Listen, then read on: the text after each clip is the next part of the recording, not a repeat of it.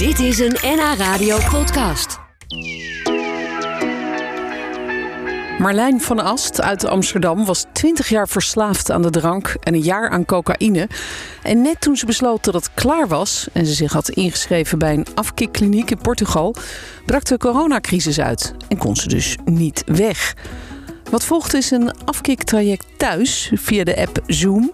Nou, hoe dat ging beschrijft ze in haar boek Eén is te veel, duizend nooit genoeg.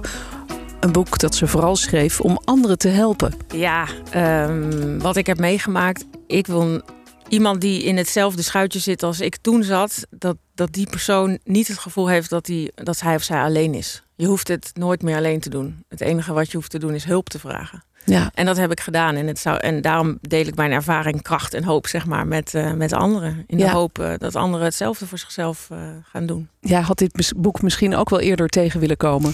Ja, en ik zocht een boek en ik vond het niet. En toen dacht ik, hé, hey, misschien moet ik hem zelf gaan schrijven. Ja, nu ligt het er. Met ja. jouw de, de dagboekaantekeningen die je hebt bijgehouden tijdens je afkiktraject.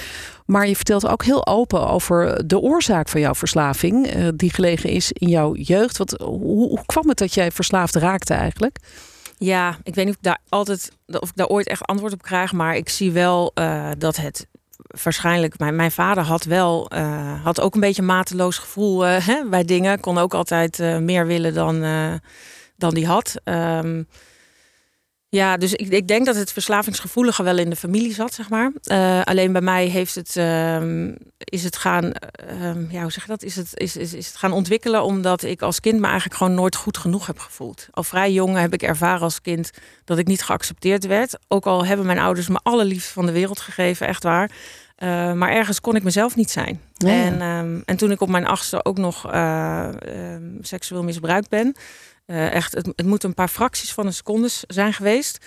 Maar het feit dat ik het niet heb verteld aan mijn ouders, omdat ik dacht het is mijn schuld, um, is het een eigen leven gaan leiden. En daar ben ik gewoon letterlijk gebukt onder gegaan. Ja, en dat ja. is pas na al die jaren eigenlijk duidelijk geworden ook voor jou dat ja. het daar allemaal mee te maken heeft gehad. Ja, dat alles wat ik, alle keuzes die ik in mijn leven maakte op het gebied van liefde of eten, of inderdaad uiteindelijk ook op drank en op drugs en op werkgebied, was allemaal buiten mezelf goedkeuring zoeken.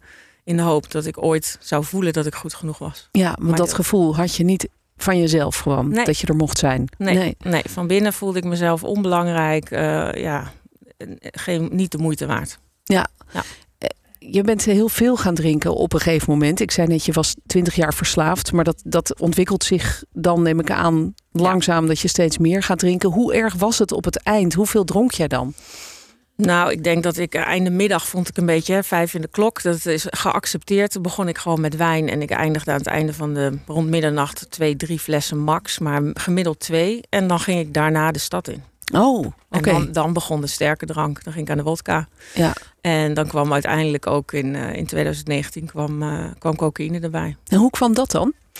Ja, ik, uh, in 2019 was echt een zwaar jaar. Maar dat begon vooral met een, een, een relatie die ik beëindigde eind 2018. Deze man die wilde mij niet laten gaan. Dus die ging mij stalken en die bedreigde mij uh, om, uh, om intieme beelden en uh, ervaringen die wij samen hebben gehad vrij te geven. Zo. En ja. te publiceren en het aan iedereen in de hele wereld te vertellen. Dus ik ging daar echt gebukt onder. drank hielp niet meer, want wat gebeurt er? Op een gegeven moment word je gewoon dronken. En dan moet je gewoon naar huis of slapen. En ja. ik durfde niet naar huis. Ik was bang en ik moest werken de volgende dag. Um, ja, want je, je, je had gewoon ja. nog een baan? Ja, ik werkte in de hotellerie. En, uh, en ik heb daar tot een bepaalde hoogte prima aan kunnen functioneren. Tot in 2019 ik en de alcoholgebruik toenam, de stalking toenam. Dat was een dagtaak om dat te verwerken. Uh, het was 24-7. Um, en op een gegeven moment merkte ik dat mijn vrienden om mij heen, ook veel horeca mensen, uh, cocaïne gebruikten. En ik Aha. dacht, hé, hey, jullie kunnen net iets langer door dan ik. Dus daar heb ik mezelf, ik heb het heel lang gezegd, dat ga ik niet doen, want ik raak daar verslaafd aan. Dat wist ik. En toen ik het dus nam, was ik meteen uh, hoekt. Meteen verkocht. Ja, ja. de hoop dat ik dan, eigenlijk kon ik daardoor langer doordrinken zonder kater en weer opstaan. Nou, dus dat was eigenlijk een enorme ontdekking voor jou. helaas. Ja, helaas. Ja, ja. ja. Wat was het moment dat je dacht, ja maar nee, nu kan het echt niet meer verder? Want je gebruikt de drank eigenlijk om je, om je gevoelens weg te stoppen ja. en je verdriet te verdrinken. Ja. En de koken om het langer vol te kunnen houden. Ja. Uh, daar komt natuurlijk een einde aan. Wat was dat einde voor jou? Ehm, nou, sommige mensen zijn er fysiek gewoon heel slecht aan toe. Niemand die het wist bij mij. Ik zorgde altijd voor mijn uiterlijke eh, appearance, zeg maar. Die was altijd prima. Maar van binnen was ik echt geestelijk gewoon uh, bankroet. Ik was kapot. Ik kon niet meer. Uh, en op een ochtend kwam ik uit een fysiotherapie afspraak. En ik liep op straat en ik wist niet meer hoe ik thuis kom. Ik wist precies waar ik was en waar ik woonde, maar ik was de weg kwijt. En toen heb ik om hulp gevraagd aan mijn toenmalige vriend. En die heeft mij letterlijk van straat opgepikt in bed gelegd. En toen ben ik klinieken gaan zoeken. Jeetje. Ja, ik wist dat ik gewoon... Ja, ik wilde gewoon niet meer leven. Maar ik wilde ook niet dood. Want ik dacht, mijn vader was in 2019 overleden. Ik denk, ja, mijn moeder kan niet ook, mijn, ook haar dochter verliezen. Dus dat is eigenlijk de reden dat ik, dat ik hulp zocht. Ja, ja. wat heftig. Ja, en... ik krijg er ook weer kipvel van. Ja, dat snap ik. Ja, dat snap ik. Want het is eigenlijk dan nog maar zo kort geleden. Ja, ja, ik ben in maart uh, twee jaar clean. Dus uh, ja. Gefeliciteerd. Heel knap. Zeker uh, als je dan vervolgens bedenkt dat je dat dus thuis hebt gedaan. En ja. uh, veel mensen die, die besluiten dan op een gegeven moment, als ze zo'n dieptepunt hebben bereikt, van nou dan ga ik naar een kliniek. -hmm. Dan zit je daar intern. Dan zijn alle verleidingen ver weg. Maar jij hebt dat dus vanuit huis gedaan. Ja. Via Zoom. Ja. Nou, en misschien ja, niet, niet iedereen heeft misschien ervaring met Zoom. Maar het is in feite een soort beeldbellen wat je met een hele groep tegelijk kunt doen. Je kan er met twee man, met 30 man, met 100 desnoods, uh, kun je dan samen uh, contact hebben ja. in beeld. Uh, hoe, hoe, was dat bij jou? Was dat ook met meerdere mensen of alleen met een therapeut? Of was het in, ja, in een groep? Ja, wisselend. We hadden drie groepsessies per dag. s ochtends, middags en einde van de middag. En om de dag daartussendoor had ik een, dus drie keer per week een gesprek met een psycholoog. Dat was één op één, maar in de groep. We begonnen met drie. Uh, drie mensen die zich hadden aangemeld, maar die dus niet uh, naar Portugal gingen. En toen kwamen er langzaam ook mensen uit Portugal terug. Nou, ik denk op het hoogtepunt zaten we met twaalf mensen of zo. En uh, dat was, toen was ik alweer een paar maanden verder. Ja. maar dan zaten we gewoon elke ochtend, ja, de dagopening. hoe voel je je? Zaten ja, we dan ja. zo'n rat van gevoel voor je neus. En dan moest je vertellen hoe je je voelde. Ja. en toen dacht ik, ja, dat weet ik niet hoor, zei ik de eerste weken. Ja. Dus ja, ik heb daar moeten leren om, om te praten. En over gevoelens en te voelen en te doorvoelen. Ja, ja te nou, delen. Ja. Knap dat je dit hebt volgehouden. we praten er zo nog even over verder. Je vertelt in het boek ook dat jouw moeder eigenlijk helemaal niet wist dat je verslaafd was. Nee. Dat is, vond ik heel opmerkelijk toen ik dat las. Ja. Heb jij dat zo goed verborgen weten te houden? Of hadden jullie heel weinig contact? Nou, we hadden wel regelmatig contact. Maar ik woon in Amsterdam en zij woont in Apeldoorn. Dus uh, we zagen elkaar misschien één keer in de zoveel weken. Uh, maar ja, je moet bedenken, ik heb bijvoorbeeld aan het sterfbed van mijn vader in 2019 met haar, ik denk een week, twee weken gezeten. En ik zat alleen maar onder invloed. Alleen maar cocaïne snuiven om wakker te blijven. En ze, niemand heeft het gemerkt. Zo. Dus ja, kijk, cocaïne, daar word je niet helemaal wappie van of zo. Nee. Dus dat, dat en daar, dat ruik je ook niet natuurlijk. Nee, ja. nee alleen ja, het, het, ik was gejaagd. En op een gegeven moment gebruik je natuurlijk te veel. Dus ja, maar wie is dan zichzelf als je vader op sterven ligt? Ja, dat is ook zo. Het, ja. Uh, ja, en andere ja. mensen gebruiken misschien een tranquilizer, een, ja. een, pilletje om wat rustig te blijven. Het is ook zoveel wat er op zo'n moment op je afkomt en zoveel verdriet en emoties. Ja, ja. en ik verzorgde mezelf gewoon nog gewoon goed. Dus ik zag er ook goed uit. Ik viel niet af. Uh, nee. Dus je was een, gewoon een goed functionerende alcoholist, zoals we dan zeggen, of verslaafde. Ja, uh, maar goed, je wilde dus wel afkicken, want je hebt een dieptepunt bereikt. En uh, dat wilde je eigenlijk in een kliniek doen, maar dat ging niet door vanwege corona. Toen ging het via Zoom, thuis zittend, met dus ja, verschillende vormen van gesprekken, groepsgesprekken en uh, individuele therapie.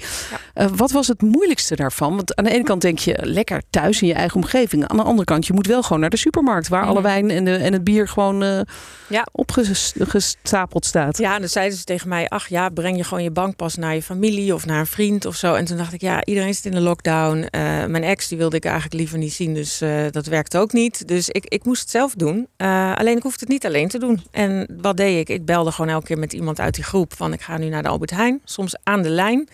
En dan liep ik langs het gangpad van de wijn en zeg ik, hoi wijn. dan liep ik weer door. Dan dacht ik, ja, ik maak er maar een luchtig grapje van. Maar ja. Um, ja, en ik ging één keer in de week of zo. Dus voor de rest zat ik thuis. Dus ik kwam kilo's aan. Dus ik, uh, ja, het was gewoon ja, dat was het moeilijkste, denk ik. Eruit gaan. Maar ook op het moment dat ik echt kapot ging, bijvoorbeeld van verdriet. Want ik moest echt gaan rouwen. Ik had ook een miskraam gehad. Mijn vader overleden. Mijn baan verloren. Zo. Alles ging in, in vier maanden tijd ging dat, uh, kwam dat op me af. Um, Toen heeft het nog drie maanden geduurd voordat ik uiteindelijk hulp vroeg. Dus ik moest nog een stukje verder de, dieper erin. Maar ja, dan lag ik echt letterlijk op mijn houten vloer helemaal in elkaar gedoken in tranen. En dan is er niemand. Dus dan moest ik terugkruipen naar mijn laptop en zeggen: Ja, ik ben er nog. Oh jeetje. En dan weer in gesprek. En, uh, maar ja, ik, dat was mijn hele houvast. Dus voor mij waren het ook gewoon mensen. Alleen helaas alleen maar op een beeldscherm. Dus op afstand. Heel veel bellen met elkaar. Jeetje. Uh, en, en de anderen hadden dat natuurlijk net zo. Ja. Want die zaten precies in datzelfde schuitje. Ja, nou ja, en, en daarvan moet ik helaas zeggen dat uh, ik ben met denk ik, in ieder geval zeker weet ik twee. En wij zijn allebei ook degene die naar zelfhulpgroepen zijn gegaan, de anonieme groepen. Uh, hè, zoals de AA, de NA, de nou whatever, Lipstick Anonymous heb je tegenwoordig ook. Oh ja? of lip, uh, Lipgloss Anonymous. Maar, uh, en wij zijn nog clean. En, en echt een groot deel van de groep is teruggevallen. In die tijd alleen al. Ongelooflijk. Dus, ja, het, het is ook een. Wat. Ja, het vergt veel. Dat hoor je natuurlijk vaker. En een verslaving heb je voor de rest van je leven. En dus je, je moet alert blijven ook. Ja. Uh, wat, wat wil je nou vooral met dit boek meegeven eigenlijk? voor mensen die dit gaan lezen. Is het vooral bedoeld voor mensen die zelf verslaafd zijn? Of ook voor de omgeving? Ik denk beide. De doelgroep van het boek is vooral mensen die of zeggen: Ik heb al gekozen voor herstel, wat kan ik nou verwachten? Uh, dus des, desnoods neem het mee als je naar een kliniek gaat. maar ook vooral de naaste daarvan. Uh, waar is mijn geliefde of naaste doorheen gegaan? Of gaat hij doorheen? Of hoop ik dat die persoon doorheen zal gaan, want die zit nog in verslaving. Dus ook, het is ook een boek wat vertelt wat verslaving inhoudt. Dat het een ziekte is en niet een morele tekortkoming bijvoorbeeld. Ja. Dat heel veel mensen niet weten. Ja, veel mensen hebben zoiets van ja, nou, maar dan stop je er toch mee, Ja. hè? als het Nee. zo slecht voor je is. Maar het is een, een ziekte Ja. eh, en het is dus ook niet iedereen gegeven om er vanaf te komen. Dat, Nee. Daar moeten we misschien ook wel realistisch over zijn. Ja, nee, ja, de statistieken liegen er niet om. Eh, ik heb het uitgerekend. eh 10% is verslaafd. Daarvan eh, zoekt iemand die voor het eerst hulp zoekt eh, en een jaar lang clean blijft. Dat is 1,1% van de verslaafden. Oeh, En dat ben ik. Ik ben een onderdeel van die 1,1. Dus ik ben, Ja. ik ben de uitzondering, niet de regel.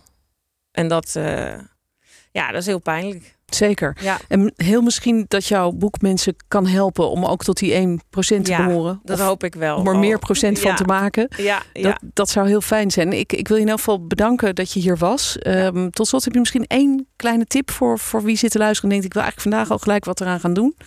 Of Zoek- het nou... eh, ja, eh, zoek hulp. Ga het niet alleen doen en, en vertel hoe, hoe slecht het echt met je gaat. En je hoeft het maar aan één iemand te vertellen. En dan is het al genoeg. Het verhaal van Marlijn van Ast hoorde je. Ze schreef het boek 1 is te veel, duizend nooit genoeg. Dat ligt nu in de boekhandels en is te bestellen via haar site marlijnvanast.nl. Dit was een NH Radio podcast. Voor meer, ga naar nhradio.nl. NH Radio.